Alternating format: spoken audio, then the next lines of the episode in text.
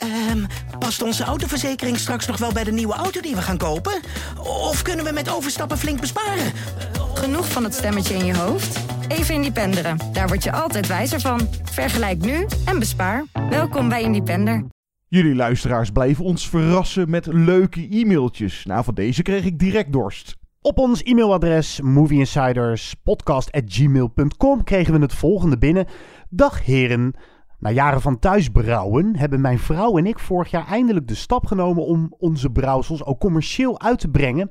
En aangezien jullie doorgaans wat drinken tijdens de opnames en we altijd een filmthema gebruiken voor onze bieren, dacht ik er al een tijdje aan jullie wat aan te bieden. Maar na de top 5 iconische introducties, die deden we in de vorige podcast trouwens, moeten we dat zeker doen. Ons nieuwste bier is namelijk, daar komt hij, de Bak Lebowski. met een label dat is geïnspireerd door de fantastische introductie van de Jesus, waar jullie ook aan refereerden. Mochten jullie het leuk vinden, dan sturen we graag wat flesjes naar jullie als bedankje voor de vele jaren luisterplezier die jullie ons hebben bezorgd. Met vriendelijke groeten Ramon en Saskia van Dam van Milky Road Brewery. Hé, hey, mag dit wel? Is dit niet gewoon schaamteloos uh, reclame maken voor... Ah, fuck it, we krijgen biertjes van ze. Beetje wel. Dus dit is gewoon een commercial blok wat we nu aan het doen zijn. Nou, um, laten we dit er dan nog bij zeggen. Geniet, maar drink met mate. Cheers, mate. Cheers. Hi, my name is Thomas Winterberg. I'm a Danish director, having made movies such as Another Round, called Druk in Denmark, Jagden, Festen, and you're listening to the Movie Insiders.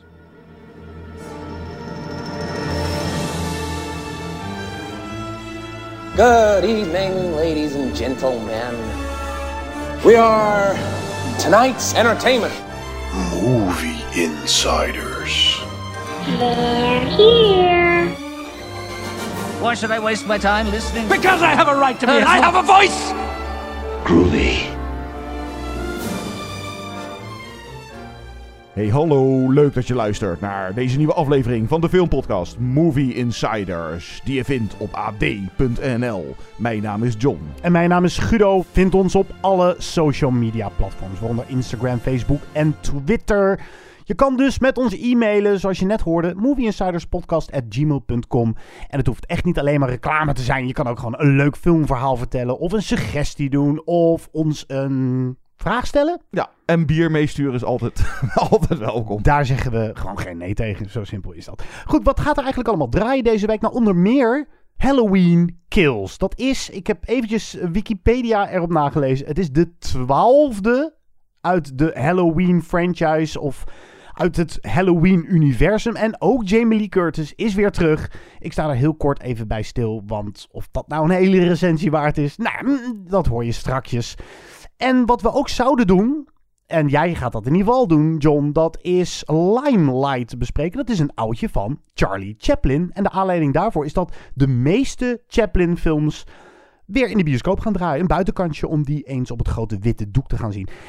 Ik had hem eigenlijk moeten herzien. Ooit wel eens gezien, maar het is er niet van gekomen hem nog eens aan te zetten. Dus ik haak een beetje voorzichtig aan op wat jij te zeggen hebt. Maar dit is ook een bijzondere Chaplin-film binnen zijn oeuvre. Verder wat gerelateerde je of nee stellingen, maar eerst Paul Verhoeven is back baby. Dit is Hoe knutsel ik een dildo in een klooster of Benedetta. Bartholoméa a-t-elle fait quelque chose qui vous est fâché Non. Avez-vous de l'affection pour elle Ce qui se passe ici est un blasphème. Qui comptent le savent déjà. Si cette sœur est coupable du blasphème dont vous l'accusez, elle ira au bûcher. Mais des accusations extraordinaires exigent des preuves extraordinaires. Je sais pas comment Dieu fait arriver les choses. Je sais seulement qu'il accomplit sa volonté à travers moi. Tu dois faire des aveux complets. Sacrilège Renonce à ta vanité. À vous On ne comprend pas toujours les instruments de Dieu. Peut-être a-t-il mis Benedetta en transe, ou bien Dieu nous a envoyé une folle qui débite des sottises pour servir ses desseins. Gebaseerd op ware gebeurtenissen in Pescia, Toscane, eind 17e eeuw. De non Benedetta, Virginie Evira, die al vanaf jonge leeftijd in het klooster verblijft, heeft religieuze visioenen en is schijnbaar in staat om wonderen te verrichten.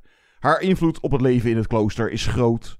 Als de jonge Bartolomea er haar toevlucht vindt, ontstaat er een, laten we het innige relatie tussen de twee noemen.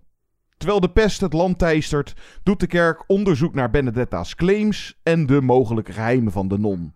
Na L uit 2016, de tweede Franse film van onze Paul Verhoeven, die op zijn oude dag niet minder stout is geworden. Maar hoe schokkend of provocerend is de film eigenlijk? Het naakt en de seks is echt niet veel meer dan bijvoorbeeld Gouden Palmwinnaar La Vida Del, het Zuid-Koreaanse The Handmaiden of zijn eigen Turks fruit. Guido, zal de meeste ophef dus waarschijnlijk ontstaan door met lesbische nonnen schoppen tegen het heilige huisje? Ik denk het wel. Het is geen La Vida Del. Het is ook geen The Handmaiden. Dit is een heel ander soort film. Namelijk een echte volbloed verhoeven film. Sterker nog, ik vond het bij tijd en wijle bijna een parodie lijken op een Paul Verhoeven film. Of dat nou heel positief is, dat weet ik niet. Maar weet je wat het is? De unieke touch van Verhoeven is hij behandelt ernstige onderwerpen zoals homoseksualiteit in nou, die periode in een klooster dan heb je de pop al een beetje aan het dansen. Maar ook over in hoeverre religie en machtsmisbruik eh, standaard in elkaars verlengde liggen. Maar hij doet dat op zijn verhoevens met heel veel ironie, heel veel humor en bijna een campy soort van lol. Waardoor het ook vooral een, een stuk entertainment is geworden. Dit is een film die heel veel andere cineasten compleet anders hadden aangepakt. Dat boek was waarschijnlijk in handen van de gemiddelde filmmaker een, nou, een nogal humorloos, ernstig drama geworden. En dat is dit niet. En dan is het nog maar de vraag of jij als kijker hier lol aan beleeft. Want Ja, dat nou. zal echt per persoon verschillen. Dat lijkt me wel, maar het ligt er dik bovenop de ironie. Paul Verhoeven heeft hier gewoon heel veel plezier. Misschien heeft hij er wel iets te veel plezier in. Maar wat ik nog wel even wil zeggen is... Het, bij La Vida Del, die jij aanhaalt, die is berucht geworden om zijn nou, behoorlijk expliciete seksscènes. Maar daar ging het ook over verliefd zijn en de gulzigheid die daarbij komt kijken. En hier, dat, tenminste dat had ik, dit gaat ook over twee nonnen die niet zozeer verliefd zijn op elkaar, maar elkaars libido gewoon versterken. En die elkaar eh, een beetje gaan opgeilen. Het gaat om de seks, het gaat om het geil zijn zonder dat er per se liefde boven moet hangen. En dat in combinatie met de religieuze context, ja, dan heb je altijd een paar groeperingen die moord en brand gaan schreden. Ja. Ja, dat vraag ik me heel erg af. Eh, voor hoeveel ophef eh, gaat deze film nog eh, zorgen? Is dat tegenwoordig nog steeds zo als, zeg, bewijzen van een paar decennia geleden werd in heel veel landen zelfs een Life of Brian van Monty Python verboden? En is er hier sprake van blasfemie? Nou ja, is dus ook gebaseerd op historische gebeurtenissen. En nou, het is ook wel wat er hier dan gebeurt tussen de twee dames. Je gaat mij niet vertellen dat dit niet vaker gebeurt in kloosters. Eh, en is daar zozeer iets mis mee? We hebben het niet hier over pedopriesters of zo. Dit zijn, ja, die vrouwen zitten met elkaar opgesloten. En ja, eigenlijk überhaupt blijf ik van mening dat dat celibaat, dat, het, het is gewoon iets onnatuurlijks. Dat, eh, Oké, dit is een statement. ja, mensen, eh, dat, dat, ja, die worden hitsig en geil. En nou, ja, als je dan eh, met dames onder elkaar en de, de bepaalde aantrekkingskracht. En, maar kijk, ja, dat dit een controversiële film zal zijn voor heel veel mensen, of is. Trouwens, eerder dit jaar, scroll even in onze playlist terug, deden wij een top 5 controversiële films met eh, bespreking van de klassieker A Clockwork Orange. Nou, dat is een eh, duidelijk voorbeeld eh, van een controversiële film. En deze, nou ja, het provocerende, inderdaad, je zei het al een beetje. Nou het is Paul Verhoeven die het toch misschien net iets te verlekkerd in beeld en deels ook in geluid brengt. Maar ja, thematiek die erin zit. Kijk, dat de film nu dan dus verboden is in Rusland.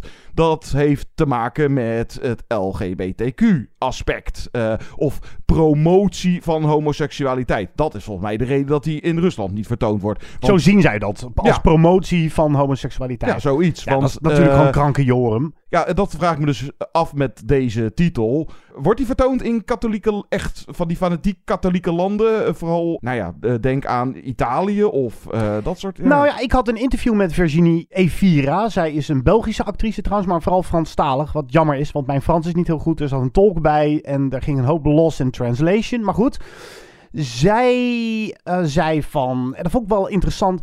Jullie journalisten willen ook heel graag een controverse zien. Dat was op het filmfestival van Cannes. Dan zie je met z'n allen zo'n film voor het eerst. En je kon het van tevoren al uittekenen. Paul Verhoeven, nonnen, lesbische eh, seks in een klooster. Ja, hallo. Houten dildo. Ja, 1 plus 1 is dan 2. En hoe controversieel is de film nou echt? Nou ja, wat ik al zei, dat het ook wel echt gaat om geil zijn. Want ik denk dat Paul Verhoeven zichzelf wel die vraag serieus ook stelt aan ons het publiek. Het gaat altijd om het lijden bij eh, het geloof. Maar hoe zit dat met het geilen? Wie bepaalt nou wat Gods wil is? En hoe je Gods wil, tussen aanhalingstekens, ook kan misbruiken. Want dat is wel een van de meer interessante aspecten aan Benedetta. Is zij ziet inderdaad, wat je al zei in je introductie, eh, allerlei visioenen. Waaronder Jezus als een soort Marvel-held die eh, met zijn zwaard aangesneld komt en een paar CGI-slangen uit de weg ruimt. Maar goed, ehm, of je dat goede smaak vindt, dat is een hele andere discussie. De vraag is natuurlijk of Benedetta dit verzint om hogerop te komen en de macht te grijpen in het klooster. Fake nieuws. Ja, is het fake nieuws? Ja, dat is inderdaad wel ja, dat is een aardige fonds eigenlijk. Maar ik, ik heb het vermoeden van wel. Maar dat blijft redelijk ambigu. Paul Verhoeven wil dat in het midden laten. Had ze echt die visioenen?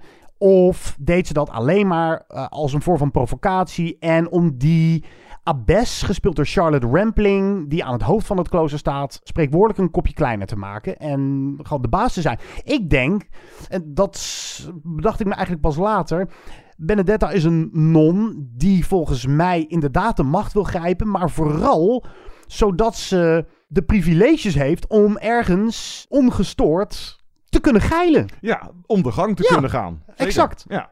En dan, eh, ja, dat is een andere vorm van macht eh, binnen nou, de kerkelijke gemeenschap, maar de macht van de kerk. Nou, en zeker in die tijd, religie, en dat zat ik me ook nog te bedenken, dat de mensen, zeker toen nog, waren ook veel goedgeloviger. Dus van die wonderen die zij eh, verkondigt, het, is overduidelijk dat zij met die glasscherven in de handen om de stigmata te doen, zeg maar. Te nabo- maar, ja, na te bootsen. En, en, en de boel oplicht. Maar dat de mensen in die tijd dat veel makkelijker slikten. Ook omdat, nou ja, dus vooral omdat ze goed geloviger waren, maar ook doordat er dus, nou, zoiets als de pest het land teistert en men ook graag wil geloven in. En ja, of zij dan dus vanuit de kerk gezien een ketter is en moet ze op de brandstapel. Maar ja, de, de, de kerk, die zit ook heel erg van, ja, hoe pakken we dit aan? Kunnen we het in, eh, is dit in ons voor of juist in ons nadeel? Maken van haar weer een martelaar? En het eh, wordt licht aangestipt, maar het is een beetje ook van, ja, in hoeverre is Benedetta daar in dat Pescia, is dat geliefd bij het volk? Eh, ze, nou ja, ze, ze, ze wordt wel echt een symbool. Maar is het een symbool van ja, verzet ook? Dat, nou ja, Nou, dat, blijft, dat houdt Verhoeven een beetje in het midden. En dat vind ik wel een van de aardige aspecten van Benedetta. Die ik verder ook weer niet al te serieus nam. Maar dat komt ook door de tone of voice. Waarom is een film die zo provocerend in de kern is, toch zo oudbollig, vroeg me af. Want zo voelde de film ook een beetje aan. Het is ook zo campy, het is zo over de top. De soundtrack, de score van Anne Dudley is heel erg aanwezig. En elk eh, shot wordt pompeuzer gemaakt qua belichting en camerawerk en editing en dus muziek. Het is nogal een hysterische, kiecherige film af en toe. het, het voelt een beetje te fake of te gemaakt. En Ik vond het ook geen hele mooie film om te zien. Het oogt een beetje goedkoop ook. Eh, De decors. Ik had nooit echt het gevoel van... We zitten echt midden in die tijd. Ik word helemaal getransporteerd eeuwen terug. Nee, ja, op de een of andere manier net niet authentiek genoeg. Ook inderdaad qua aankleding, hoewel het op zich verder wel prima is. Maar ik geloofde eh, het allemaal ook niet echt of zo. En kijk, ja, je zou wel kunnen zeggen, de, de film, uiteraard, het, het is gewaagd als je dit soort thematiek eh, aanpakt. Maar verder vond ik hem daarnaast op dat gewaagde na ook niet eens zo heel erg boeiend of spannend of zeker niet ontroerend of zo. En nou ja, op bijna alle aspecten zijn wel oké. En de acteurs valt ook niet heel veel aan op te merken. Je mist wel echt een Isabelle Huppert hier. Dat, eh, die Virginie uh, is een prima actrice, maar heeft echt niet de kwaliteiten van een Isabelle. Ja, maar zo'n film is het ook niet. Zo, want nee. Ik denk dat heel veel mensen die L een beetje te academisch vonden, nu blij zullen zijn dat Paul Verhoeven weer een beetje terug is naar de trashy Verhoeven. Non-sploitation. Ja, de non-sploitation. Uit de hoogtijdagen van Flash and Blood en nou, misschien een Robocop. Echt een beetje out there. Want dat is wat hij doet. En of dan een Isabelle Huppert had gepast in deze film. Ja, die had de rol van de Abbess kunnen spelen in plaats van Charles Rampling. ik vind Evira wel goed hoor, als Benedetta. Jawel, als Zeker ook omdat je constant toch een beetje twijfelt. Moet ik nou voor haar zijn? Of is zij eigenlijk gewoon een, een fakes die ontzettend aan machtsmisbruik doet? En het feit dat je daar constant tussen twijfelt, vind ik ook wel de verdienste van deze actrice. Jawel, oh, en het, nee, ik heb dan een paar keer nou ja, onbedoeld uh, is maar de vraag, uh, zitten gniffelen. Je zou dit... Uh, het is heus wel bedoeld hoor. Ja, nee, Dit is Verhoeven, die, die hoor ik op de achtergrond gewoon gniffelen. Ja, je kan het bijna als een zwarte comedy zien. Maar daar komt wel weer bij dat door die toon ook vooral je je serie echt afvraagt van ja, hoe serieus moet of kan ik dit nou echt nemen? Want ja, het is bijvoorbeeld ook weer net niet feministisch genoeg. Het is ja, het gaat toch vooral over hitsige nonnen. En kijk, dat deze film... En dat daar niks mis mee is. Nee, uh, nee inderdaad. Maar kijk, dat vraag ik me serieus af. Ja, in hoeverre uh, is het de insteek van de makers? Of worden wij getriggerd als kijkers door deze film om echt een discussie aan te zwengelen? En ja, waar over dan? Dogma in religie en nou, ja, ketterij. Uh, dat, ik zal me af te vragen, wordt die, wordt die verketterd? Krijgen we straks uh, onze hitsige oude man aan de schandpaal inderdaad? Nee, maar wat ik al zei, ik vind dat er wel degelijk interessante vraagstukken worden gesteld. Jawel, Over maar, dat eeuwige ja. godswil en dat eeuwige lijden en daar onderdanig aan zijn. Ja, alleen de saus is zo campy dat je inderdaad wel eens afvraagt of je nou echt heel ernstig met dat soort thema's aan de haal moet. En wat ik ook een beetje jammer of storend vind is, geef nou gewoon toe als Paul Verhoeven zijnde dat je wil provoceren. Hij geeft in interviews aan van, nou, dat dat niet het geval is. En dat is natuurlijk Omarm het. Gewoon, omarm het gewoon. Ja. ja. nee, maar die houten dildo. Je hebt dus een Maria-beeldje en die snij je tot een dildo. En dan zeg je vervolgens um, tegen Benedetta, want het is een uh, vondst van haar collega non Bartolomea. Deze gaat dieper dan mijn vingers. Dat is wat ze gewoon zegt. Punt. Nou, prima. Maar Verhoeven heeft ook toegegeven dat hij dat er wel degelijk bij bedacht heeft. Dus hij beroept zich constant op historisch werk. Nou, dat boek, dat is een wetenschappelijk uh, naslagwerk waarin de hele rechtszaak rondom Benedetta centraal staat. En of zij... Komt hier wat minder aan de orde in deze film. Ja, maar hij heeft ook gezegd, ja, om het wat spannender te maken... Toen belandde je niet op de brandstapel. En ik wilde van haar toch een beetje een martelaar of een martelares maken. En hoe doe je dat? Het schijnt dat in die tijd dat nou, dit verhaal zich afspeelt, dat je alleen op de brandstapel kon belanden als je bij uh, de seks ook attributen had gebruikt. Oké. Okay. ja, daar kunnen we om lachen. Maar dat is wat hij uh, heeft gezegd in interviews. Nou, ik geloof Verhoeven heus wel dat hij zijn huiswerk een beetje heeft gedaan. Oh, het zal best, ja. Hij wilde een Jeanne d'Arc-achtig verhaal maken met een Jeanne d'Arc-achtig einde. Nou, dan heb je dus een brandstapel in beeld. En dat is wat we ongeveer ook zien. Of dat het einde is, dat hoeven we niet te verklappen. Want er gebeurt eh, van alles. Deze, deze film heeft best wel aardig wat twists en turns. Maar ja, dat is wel degelijk dus toch provoceren en iets spannender maken. En daar is niks mis mee, maar ga dan niet doen alsof je niet aan het provoceren bent. Dan, dan doe je het er wel gewoon ook een beetje om. Net als dat aan het einde op een gegeven moment Bartolomea en Benedetta ergens naakt in een veld rondhuppelen. En toen dacht ik echt van ja, maar dit, dit ik vind het prima. En het zijn mooie dames, ze zijn allemaal leuk en aardig. Maar dit was niet nodig. Je had hier ook, uh, je had ze prima aangekleed kunnen laten ja. in deze scène. Of dit nou functioneel was. Dus kom op Verhoeven.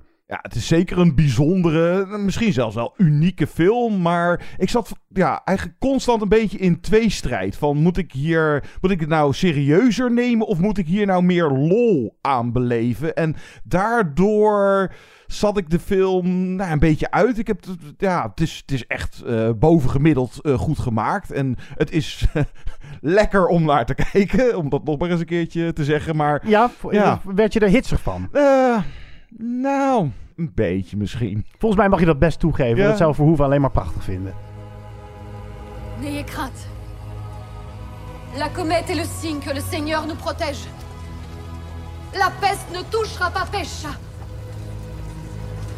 Jésus m'a promis, à moi son épouse, que cette ville serait épargnée. Seigneur Jésus, protégez-nous Protégez notre cité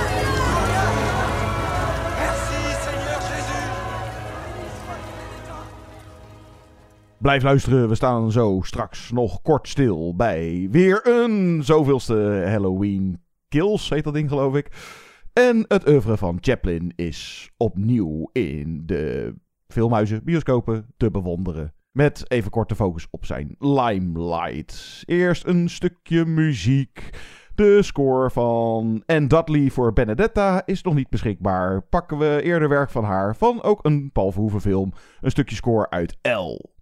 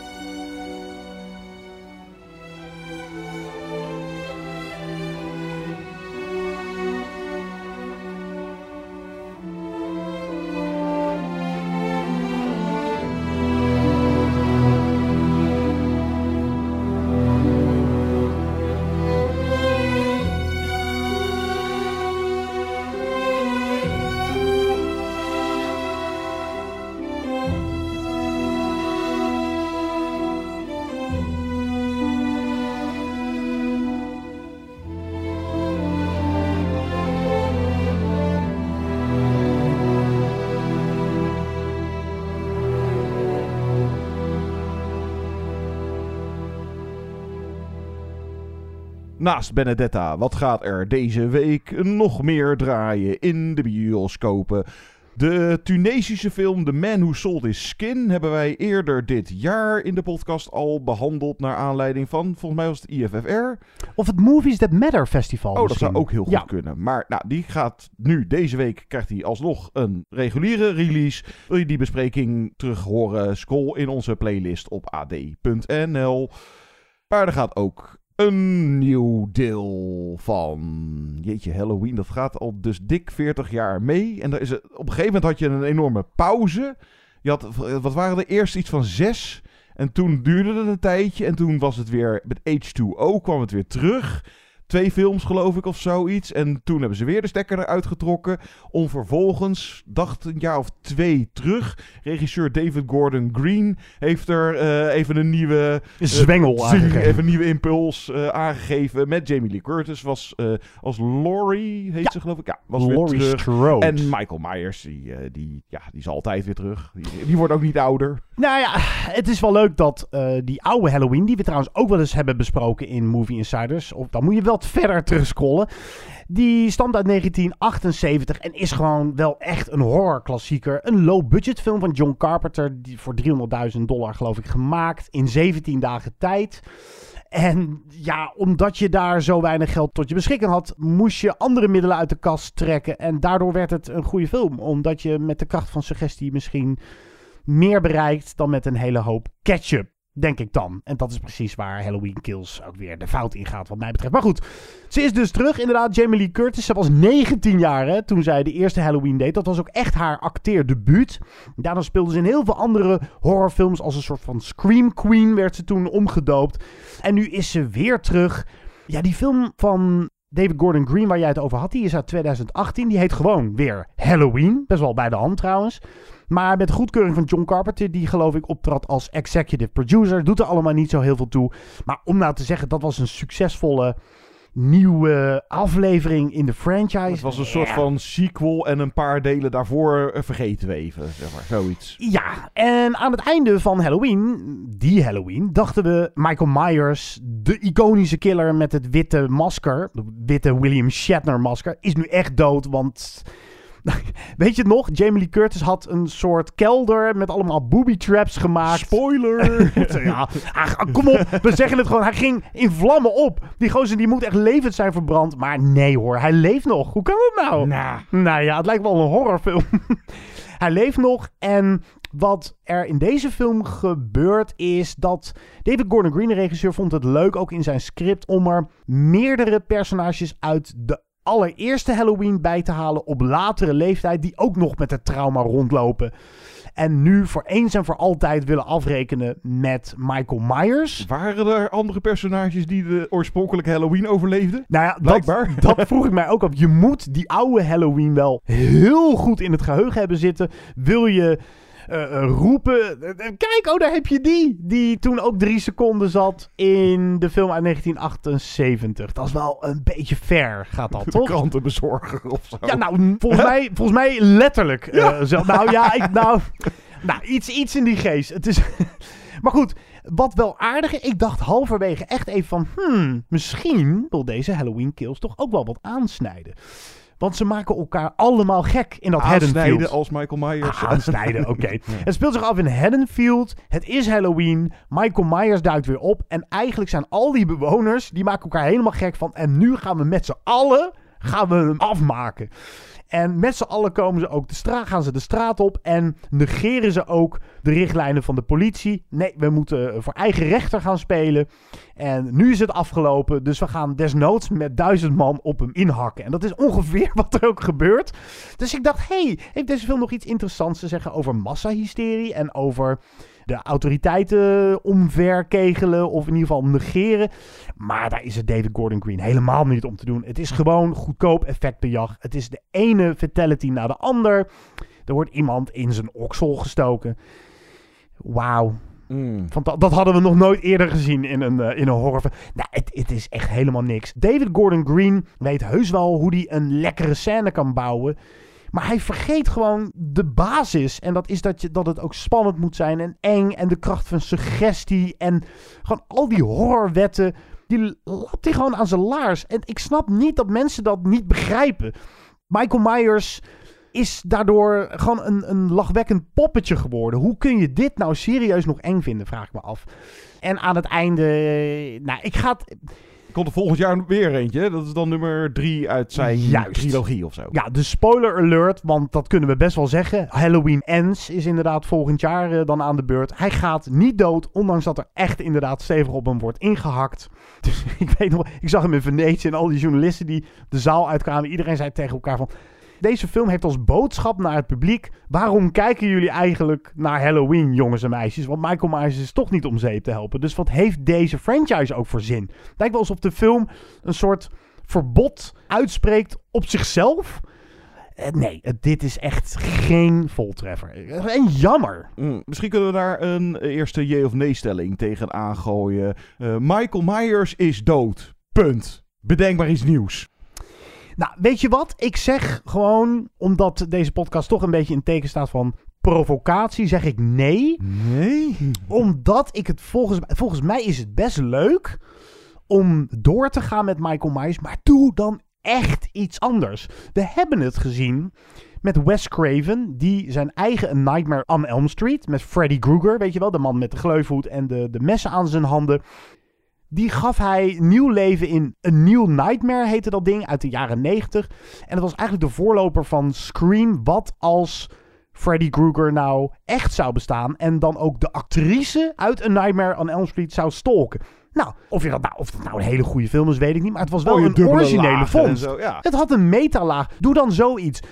Als je Michael Myers weer ten tonele opvoert, moet je dat ook rechtvaardigen door echt iets anders te doen. Of echt Nou, is dat het mogelijk? origineel te Hmm. eren met een, een echt goed opgebouwde, spannende film. En niet een hack en slasher zoals, nou, zoals dit. Je had toch ook... Hè, wacht Het even. kan wel voor mijn gevoel. Er schiet me er opeens nog... Had die Rob Zombie die het ook Halloween films zit te maken ook nog. Oh, verrek. Tussenliggende- Volgens mij heb je Ja. daar gelijk in. Ja. Nog... eh, dus dan is het eh, remake...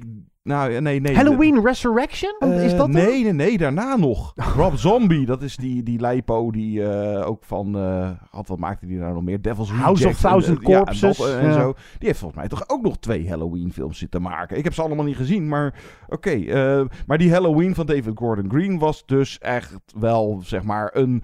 Het was sequel. geen reboot, het was echt een sequel. Ja, ja Recipries, eh, die eh, term eh, die ik er een paar jaar geleden gecoind heb. Dus dat zijn remakes, sequels en prequels. Daar En word je mee doodgegooid. Ja. Maar nog- snap je mijn punt bij- dat ik, snap- nee snap- zei? Ja, ik snap je punt. Doe dan iets origineels. Wel, Verras ons met z'n allen door het bestaansrecht van Michael Myers in een slim script te verpakken. ja, ik zeg vooral, jee, bedenk iets nieuws. Kan ik me deels inderdaad aansluiten bij. Bedenk dan echt iets nieuws of verrassends met Michael Myers en of binnen het eh, Halloween-universum, om het even zo te noemen. Of inderdaad, blijf er vanaf nu verder met je poten vanaf. Die vent is dood, klaar, punt. En bedenk, noem het dan Thanksgiving. Die film is er nog steeds niet van gekomen. Er was zo'n nep-trailer in Grindhouse van... eh, dat is dat eh, project van eh, Robert Rodriguez en Quentin Tarantino... met Planet Terror en Death Proof erin. En dan had je een paar van die nep-trailers. Ik weet even niet meer uit mijn hoofd van wie die nou was, maar Thanksgiving. Ja, doe dat dan. Van Michael Myers naar Charlie Chaplin. hey, die brug is makkelijk gebouwd. Wat even een trailertje. Limelight. Something just as inevitable as death, and that's life. Life, life, life! It's my leg. Calvero's still a name to conjure with. You're mistaken. Today it means nothing.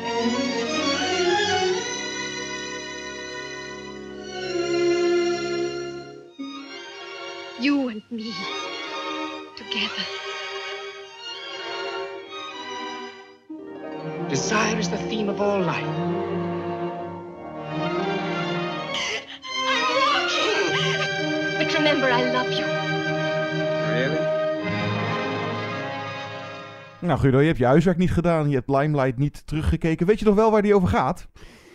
In mijn eh, herinnering ging het om. Nou ja, Charlie Chaplin speelt een clown op zijn retour. En het was een bijzondere film, omdat hij eigenlijk. Dat was een hele persoonlijke film. Het, Charlie Chaplin was toen misschien ook al een beetje op zijn retour. Hij was toen in de 60 al uit mijn hoofd. begin 60, zoiets. Ja. En hij krijgt dan een soort van relatie met een meisje, maar is de spanningsboog, eh, wat boven de hele film hangt, is zij wel echt verliefd op hem of vindt ze hem meer sneu en gunt zij hem zijn comeback, zijn eenmalige comeback in het variété-wereldje, zoiets. Ja, ik heb hem dus terug zitten kijken. Nou ja, het is wel echt oprechte liefde. Vooral van haar kant. En hij vindt haar uiteraard wel leuk. Maar hij, hij houdt telkens de boot af en zegt tegen haar van... Nou ja, weet je, ik ben, ik ben een oude man. En, Dik eh, 40 jaar leeftijdsverschil, ja, heb ik nog even eh, stiekem opgezocht trouwens. Ga gewoon lekker voor een vent van je eigen leeftijd. Er is dan nog een soort van love interest. Die wordt overigens gespeeld door Sidney Chaplin. Dat is een zoon van Charlie Chaplin. Quizvraagje, hoeveel kinderen had Charlie Chaplin? Eh veel. Eh, iets van vijf of zes of zo. Elf. Wow. Bam. Want een paar van zijn jonge kinderen zitten heel kort in het begin van deze film. Waaronder dan die Geraldine Chaplin. Dat is nog wel een hele verdienstelijke actrice geworden. Die is inmiddels ook al aardig op leeftijd. Die Sidney Chaplin die heeft nooit echt meer iets fatsoenlijks van zich laten zien. Eh, ik ken hem eigenlijk ook alleen uit eh, deze rol. Maar Limelight uit 1952. En nou, deze film voelt ook echt wel een beetje aan als een zwanenzang. Of als een afscheid. Hoewel hij na deze film eh, best nog wel een tijd leefde. En nog een paar andere, nou in ieder geval nog twee films maakte. King in New York was nog vijf jaar daarna. En tien jaar daarna het mislukte Countess from Hong Kong. Maar dat je in deze film inderdaad ziet dat Chaplin eh, het wandelstokje doorgeeft aan eh, een volgende of jongere generatie. En dat uiteraard thematiek meespeelt als ouderdom en nou, een beetje op zijn retour. Of hij is passé. Hij is niet meer eh, hip of hij is niet meer geliefd onder. En het autobiografische aspect, nou ja, ik heb me daar dan niet helemaal in verdiept, maar je merkt het wel tijdens het kijken van de film. Ja, in hoeverre de populariteit van Chaplin in begin jaren 50. of dat ook een beetje op zijn retour was. Nou ja, vooral door. Uh, zijn privéleven, wat jij zegt, elf kinderen, verschillende huwelijken uh, die allemaal gestrand zijn en weet ik het wat. En verbannen zijn omdat ja, hij werd beticht nou, van communisme. Dat is precies rond die tijd. Dus uh, communistische sympathieën, of die ze wel of niet aanhoudt. nou, okay. Het was een linkse rakker, dat ja, wel. Zeker. Maar dat hij in 1952, dus dat was toen deze film uitkwam, hij was voor promotie van Limelight in Europa. En toen kreeg hij het bericht dat hij. Uh, daar, hij mocht Amerika niet Hij was verbannen uit Amerika. Door McCarthy met zijn hele heksenjacht op de communisten. En ook omdat Chaplin werd, werd geloof ik ook een beetje als een. Omdat hij zo'n bekende naam was. Als voorbeeld uh, gesteld voor. Nou ja, communisten. Daar moeten we niks van weten. Dus echt als een soort van voorbeeldfunctie. Van ook ja, ook een Chaplin kan verbannen worden uit Amerika. Deze film is sowieso uh, wat minder kritisch dan Modern Times of zeker The Great Dictator. Maar er zit wel een licht cynisch toontje in. Sowieso is dit zijn meest dramatische uh, film. Uh, er zit wel je kan er echt wel een paar keer om lachen, maar er zit vrij weinig comedy in. Ook als je naar de genres kijkt op, ik roep even IMDb of Letterboxd, staat er niet eens comedy tussen. Ik kan er echt wel een paar keer om lachen, maar vooral dat gevoel van weemoed en uh, nostalgie. Hij, die Calvero, inderdaad, de clown op leeftijd. En zij, uh, Terry, of Theresa Terry is dan de bijnaam, gespeeld door Claire Bloom. Een uh, danseres of ballerina. En als hij haar aan het begin van de film treft, heeft ze een zelfmoordpoging gedaan. En hij neemt haar onder zijn hoede, uh, of neemt haar in huis en verzorgt haar. En het is bij haar vooral psychologisch. Dat ze, ze zit niet lekker in de vel. En dat... Nou ja, dus dat was waar ik eerder zei, die oprechte liefde van haar kant is dat hij heeft voor haar gezorgd. En hij heeft ervoor gezorgd dat zij weer teruggekomen is. En zelfs uiteindelijk een prima ballerina wordt. En dan is de keerzijde dat hij juist weer nog verder afzakt in uh, nou, bijvoorbeeld alcoholisme. Weet je wat ik me ook ineens kan herinneren? Dat ik na Limelight, toen ik hem de eerste keer zag, voor het eerst dacht... Chaplin is een goede dramatische acteur. Hmm. En dat wordt wel eens vergeten. Want we denken allemaal aan de doldrieste clown. De man met het hoedje en de wandelstok en de slapstick. Ook wel de droevige figuur natuurlijk, die echt wel ook uh, triest uit zijn ogen kon kijken. Maar echt een mooie, dramatische acteerprestatie. Misschien wel Oscar-waardige acteerprestatie. Ja, dat gaf hij wel in Limelight. Ja, dat is, dat is misschien een aspect van Chaplin dat een beetje onderbelicht is gebleven, denk je niet? Ja, dus in dat opzicht ook een van zijn weinige rollen die hij ja, zo dramatisch en of ja, zo ingehouden. Nou, er zitten wel een paar acts in uh, op het toneel. En je hebt ook een balletsequentie. Dit is sowieso de langste film die Chaplin ooit gemaakt heeft. Met uh, 2 uur en 17 minuten. Maar ja, het is prachtig. Ontroerend vooral. En melancholisch. En de, nou, de muziek, uh, gaan we ermee uit? De muziek, dan hebben we het er straks nog even over. Dat is nog een uh, verhaal apart. Oh ja, oh, ik begrijp precies wat je ja. bedoelt. Ja, nou, dan laten we dat stukje trivia uh, bewaren we even. Maar als je de mogelijkheid hebt, ik weet ja niet hoe lang ze gaan draaien en hoeveel ze gaan draaien, maar sowieso de kit is in re-release gegaan omdat hij 100 jaar bestaat. Dat hadden wij eerder dit jaar ook al bedacht. Check onze eerdere recensie ergens een uh, half jaar geleden. Maar dan dus ook, nou ja, roep ze allemaal maar. The Gold Rush en The Circus en City Lights en Modern Times en The Great Dictator en Limelight en Monsieur Verdoe. En nou, volgens mij misschien op een enkeling na gaan ze allemaal in re-release. Dus heb je de mogelijkheid, ga ze een keer op het grote doek. En dan is Limelight. Zeker, nou, als je nog nooit wat van Chaplin hebt gezien, ga dan eerst voor de hand liggende. Ja, en goeie. kijk dan een Limelight. Omdat dit... Als je nog nooit wat van hem, of misschien maar één andere film van hem gezien hebt... en je kijkt dan Limelight... dan kan je misschien een beetje verkeerde indruk van zijn werk krijgen. Want Limelight is redelijk, een buitenbeentje ja, redelijk uitzonderlijk in zijn oeuvre. Vooral omdat hij zo, zo dramatisch is. Volgens mij is er speciaal voor de re-release van al zijn films in de Nederlandse bioscoop... ook een website gelanceerd, charliechaplin.nl. Oh, En daarin kun je precies zien waar en wanneer ze draaien. Ook heel kort even in Limelight zit, kan ik mij herinneren, is Buster Keaton. Dat was die andere held uit het slapstick-tijdperk, of het stomme filmtijdperk, de komieken van die tijd. Laat ik het zo maar noemen. Het waren niet echt rivalen misschien, maar ze werden vaak wel in één adem genoemd. Misschien een aardige jee of nee stelling. Charlie Chaplin was een genie, maar Buster Keaton was eigenlijk genialer. Oh, die vind ik lastig. Nee. Maar het is in dat opzicht lastig. Nou, ik verkies altijd net aan wel een Chaplin eh, boven Keaton.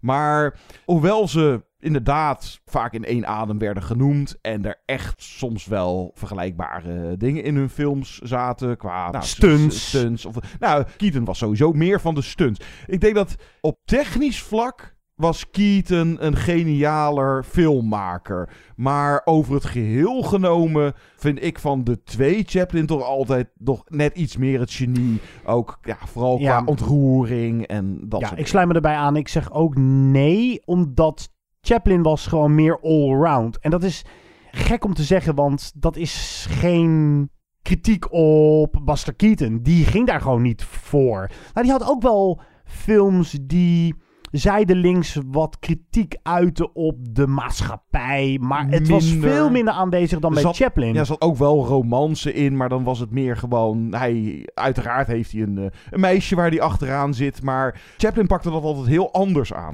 Ja, maar de stunts die Buster Keaton doet, die zijn echt adembenemend. En dat, de- kon je van Chaplin misschien nou, ook weer op een andere manier adembenemen. Maar Buster Keaton, die maakte gewoon moderne actiefilms. Dat was de Jackie Chan van zijn tijd Ja, toen. misschien wel. Ja. Dat is wel een aardige Ja, vergelijking. volgens mij heeft hij toch ook een keer zijn nek of zijn rug gebroken en, eh, en, da- en dat soort dingen Het zou mij niks verbazen. Maar Chaplin was ook... Die was gewoon uit op meer. Die wilde ook echt een boodschap meegeven. En die ging ook voor emotie. En die ging voor... Nou, een, een, een vleugje sentiment waar Buster Keaton gewoon niet voor ging. Maar ik denk dat daarom de eeuwigheidswaarde meer aan Chaplin kleeft dan aan Buster Keaton. Ja, die ging voor de lach en de traan. En Keaton echt meer voor de lach. Eh, ja, en meer de sensatie. Meer het entertainment. Maar eh, ja, Chaplin ook wel hoor. Kun maar jij niet, nog... in- niet zozeer in Limelight. Het, eh, als je Limelight zou zien, het is, ja, het is niet echt entertainment. Het, Nee, eh, dat is, dat is... Ja, dat krijg je op latere leeftijd. eh, Dan word je kan- serieuzer. Ja, dan kan hij ook niet meer gaan eh, zitten stunten. Kan jij je nog herinneren dat wij ooit een hele special hebben opgenomen die in het teken stond van Chaplin en Buster Keaton, maar dat dat de enige aflevering in de geschiedenis van Movie Insiders is geweest die ja, of niet was opgeslagen. Goed, die is gewoon verloren. Het is een verloren gewaande show.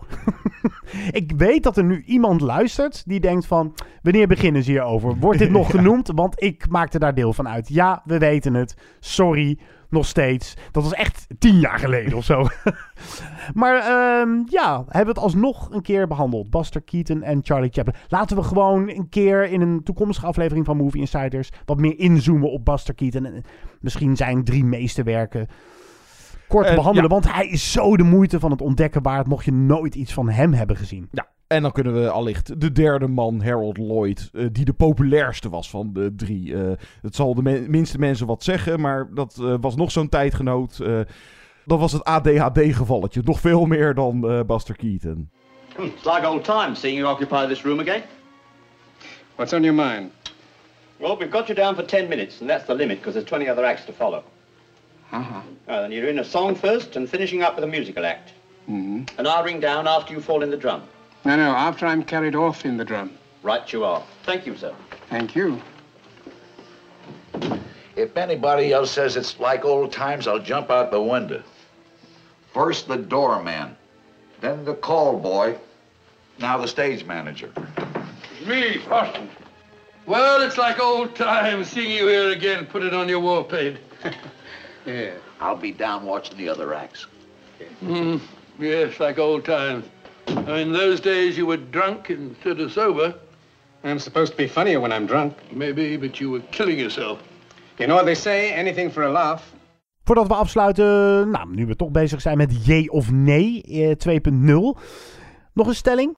Ja, even terug eh, naar eh, Squid Game, die we vorige podcast iets uitgebreider Ik heb hem inmiddels afgekeken. Ja, briljante serie wil ik het ook weer niet noemen. De laatste aflevering vond ik ook weer... Mm, Oh, maar die vond ik wel sterk hoor. Ja, Voelde je hem nee. aankomen zonder te spoileren? Want er zit wel een stevige twist in. Er zitten een paar twists in. eh, de, de een voelde ik misschien wel aankomen en de ander niet. Het is ook, ja, het moest wel zo eindigen. In ieder geval het, eh, het spel zelf. Eh, en nou, vooral de hype. Misschien nog wel gaver aan Squid Game, wat je ook van de serie vindt. Maar de hele hype eromheen. En dan was nu het nieuws dat eh, vooral ouders eh, geschokt dat eh, zelfs basisschoolkinderen op het schoolplein. Maar hoe dan? Ja, aan de andere kant zat ik ook te denken, dat zijn toch gewoon oud kinderspelletjes, Annemaria Koekoek. Volgens mij hebben wij dat in de, het, de jeugd van tegenwoordig. Ik weet niet of Nee, ze maar luister, nog- luister, Kijk, John. zolang ze elkaar dan niet gaan afschieten. Kijk, dan- nee, maar als je het goed wil doen, hè, dan is het wel op het schoolplein. Oké, we gaan Squid Gamepje spelen.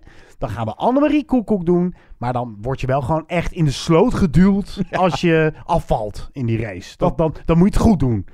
Maar goed, wat is je stelling? Nou ja, dat zou dan te maken hebben met dat, nou ja, dus blijkbaar heel veel jeugd ook Squid Game ziet. En ik zat even met die, ja, wat is dat, de kijkwijzer, leeftijdskeuring. Hij is voor 16 jaar en ouder. En hoe die kids, die, ja, dat, dat is anders hè. Als je naar de bioscoop, daar kom je als nog niet 16-jarige over het algemeen die film gewoon niet binnen. Want je wordt gecontroleerd. Maar thuis, met Netflix, als er dan geen, eh, geen kinderslot... of misschien weten die kids tegenwoordig heel slim dat wel te omzeilen... en ik zet hem even uit en ik ga lekker... terwijl papa en mama die doorhebben Squid Game zitten kijken. Maar, en dan ging ik er even over na zitten denken van... ja, 16 jaar en ouder, maar Squid Game zou eigenlijk vanaf 12 jaar wel mogen zien... Nee, nee, Nee? vind ik niet. Nee hoor, nee, ik vind het echt een uiterst gewelddadige, grimmige, cynische film. Hij eindigt ook cynisch, daarmee spoiler ik. serie. Serie, sorry. Ja, Ik ben zo gewend om films te zeggen, maar dit, we hebben het gewoon over een serie, een movie inside. Dus dat is eigenlijk heiligschennis. Maar goed, uitzonderingetje, want het is toch echt wel... ah, je, je moet het wel echt zien, Squid Game. Als je Squid Game dit jaar niet gezien hebt, dan heb je iets gemist. Dan kan je, ja, je moet erover meepraten. Ja, vind ik ook. Wat je er ook van vindt, ik vond hem echt wel voortreffelijk hoor. Ik heb er ontzettend van gesmuld. Ja, sommige momenten vond ik wat minder. Eh, wat de knikkeraflevering is gewoon ontroerend, toch? Ja, Wow. oh, ja. dat eh, had je bij vorige podcast al gezegd. Van, eh, oh, emotioneel potje knikkeren. Zo, eh, doe maar. hallo. Maar nee, ik vind het echt te gewelddadig. En laat Squid Game een wake-up call zijn voor ouders. Ik ben even de moraalridder in Movie Insider, dus het spijt me. Een wake-up call voor ouders om eens goed uit te zoeken waar je kind allemaal toegang tot heeft, toe heeft. En of je daar wel zo blij mee bent. Nee, ik vind dit echt niet voor 12 jaar en ouder. Kom op. Ja, ik vind het net een Er twijfel. vallen doden bij borstjes, ze worden door Ja. hun hoofd geknald. Mensen die omwille van, eh, nou ja, omdat ze zelf willen overleven, anderen om zeep helpen. Er zit een scène in waarin ze elkaar s'nachts allemaal aanvallen, omdat ze doorhebben dat geen onderdeel van de spelregels is dat je een ander niet om zeep mag helpen. Wow, dat is de heftigste scène misschien ook wel gelijk van de serie. Ja, en er zitten een paar eh, autopsies in. Eh, de, de, de lijken die worden aan stukken gesneden. Nee, dit is echt niet voor 12 jaar. Eh, dit is nee. echt 16 jaar en ouder hoor. Ja, nee, zeker ook. Nou, dat, dat is het meer. Geweld, dat blijf ik altijd een interessant eh, discussiepunt vinden met betrekking tot die leeftijdskeuring. Maar het is hier ook de manier en de toon en hoe het eh, wat er getoond wordt. Maar als ik terugdenk naar bijvoorbeeld onze eigen jeugd, een bekend voorbeeld daarvan was Terminator 2, Judgment Day. Ah, die was voor ja. 16 jaar en ouder. En die zag ik uiteraard toen al, toen ik een jaartje of Tuurlijk. eh, 12 was of zoiets. En dat is nu ook als je die aanzet, dat je denkt van, dat kan toch ieder kind vanaf 12 jaar kan dat toch Ja, maar die grenzen hebben. zijn ook wel verschoven. Niet Ja. verlegd. Zo, ja, misschien ook wel verlegd, maar ook wel verschoven. Ja, het, het, het verschilt heel erg. Kijk, je hebt nou eenmaal inderdaad sommige films. Nou, neem even een Benedetta. Of misschien eh bepaalde... Ja, die vind ik wel echt van alle leeftijden hoor. Nee, dat, dat is duidelijk 16 plus. Of misschien wel zelfs 18 plus. Of sommige horror, dat is ook maar weer net. eh, maar kijk, qua naakt en seks. En vanaf een bepaalde leeftijd, zeker vanaf 12 jaar. Nou ja, goed tussen aanhalingstekens voor de ontwikkeling van nou, pubers van die leeftijd. Soms denk ik ook wel eens zo van, ja, waarom Misschien zouden juist wel kinderen vanaf 12 jaar hier naar moeten kijken. Zodat ze, nou ja, of eh, met horror het, meemaken van angst eh, en, en dat kunnen ventileren. Of, of, of dat ze. Het verschilt inderdaad heel erg per titel. En hoe uitbundig de seks of het geweld is. Maar dat niet alleen. Want je kan geweld hebben in een serie, maar je kan ook een serie of een film hebben waarin best duidelijk dat geweld wordt veroordeeld, maar waar dat voor kinderen onder de 16 jaar niet binnenkomt. Niet binnenkomt, die daardoor een, uh, met een verkeerd beeld omdat ze gewoon nog niet de intelligentie hebben om dat er heel duidelijk uit te filteren. Dat moet je ook niet vergeten. Ja, en dat is bij Squid Game denk ik wel deels aan de orde. Ja. ja. Nou, dat is misschien een mooi bruggetje. Je had het over geweld, maar hoe zit het dan met seks? Laatste je of nee stelling. Door de MeToo-discussie is de cinema preutser geworden. Heb ik tot nu toe, afhankelijk van waar je naar kijkt, volgens mij de mainstream zegt... Ja, ik wil een jee of nee horen, John. Uh, nee. Nou ja, mainstream misschien wel. Daar zie je duidelijk dat het invloed heeft gehad op. Ik roep even Hollywood. Daar zit tegenwoordig. Dat is echt preutser en nou, politiek correcter en, en blablabla. Roep het allemaal maar, oké. Maar daar zag je, zeg even een twintig jaar geleden. Echt wel veel meer naakt en seks in dan tegenwoordig. Maar als je kijkt naar Arthouse, ofwel de films in de filmhuizen, of een Benedetta, ik roep het nog maar eens even een keertje, daarin is het echt niet minder geworden voor mijn gevoel. Nee, ik zeg ook nee. Het viel mij heel erg op tijdens het filmfestival van Cannes. Daar zag ik heel veel films die nog moeten uitkomen. Ik ben niet aan pochen, maar ik wil wel laten weten dat ik daar veel titels heb gezien die behoorlijk wat seks bevatten en behoorlijk open waren over seks. En toen bedacht ik me al, wauw, we zijn wel in een nieuwe fase beland waarin we, we zijn bekomen, misschien een beetje bekomen zijn van de schrik na de hele MeToo-discussie en het nu weer aandurven. Maar dat er wel beter is nagedacht over... Ja, dat vooral. Het is niet zozeer preutser geworden. Functioneler, ja. naakt en seks ook. Maar The Worst Person in the World, uh, Scandinavische film die echt een van de, mijn favoriete titels van het jaar. Komt pas volgend jaar helaas uit. Oh ja, ja, jammer. Maar die is erg mooi en daar wordt heel vrijzinnig over seks gedacht. En die vrijzinnigheid en dat niet alleen mannen maar mogen rondneuken, maar dat dat uh, recht ook aan vrouwen is uh, toebedeeld. Of dat zij dat even goed natuurlijk mogen hebben. Dat is wel iets wat je steeds meer terugziet in films, ook in series, coming of age titels. Die uh, behandelen best wel seks. En wat dacht je van Sex Education? Die serie op mm. Netflix. Ik moet het derde seizoen nog zien. Maar gaat ook behoorlijk ruimhartig om. Uh, of, of is behoorlijk taboeloos als het gaat om. Nou, niet zozeer misschien het seks laten zien, maar wel het daarover praten.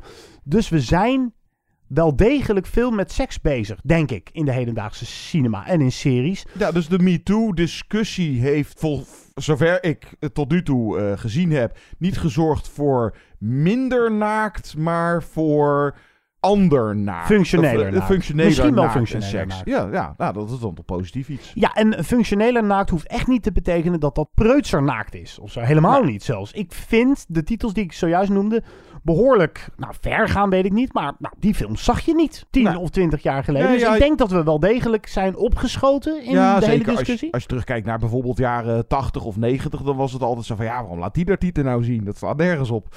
Nou, dat, dat zijn we inmiddels wel echt uh, lang kwijt.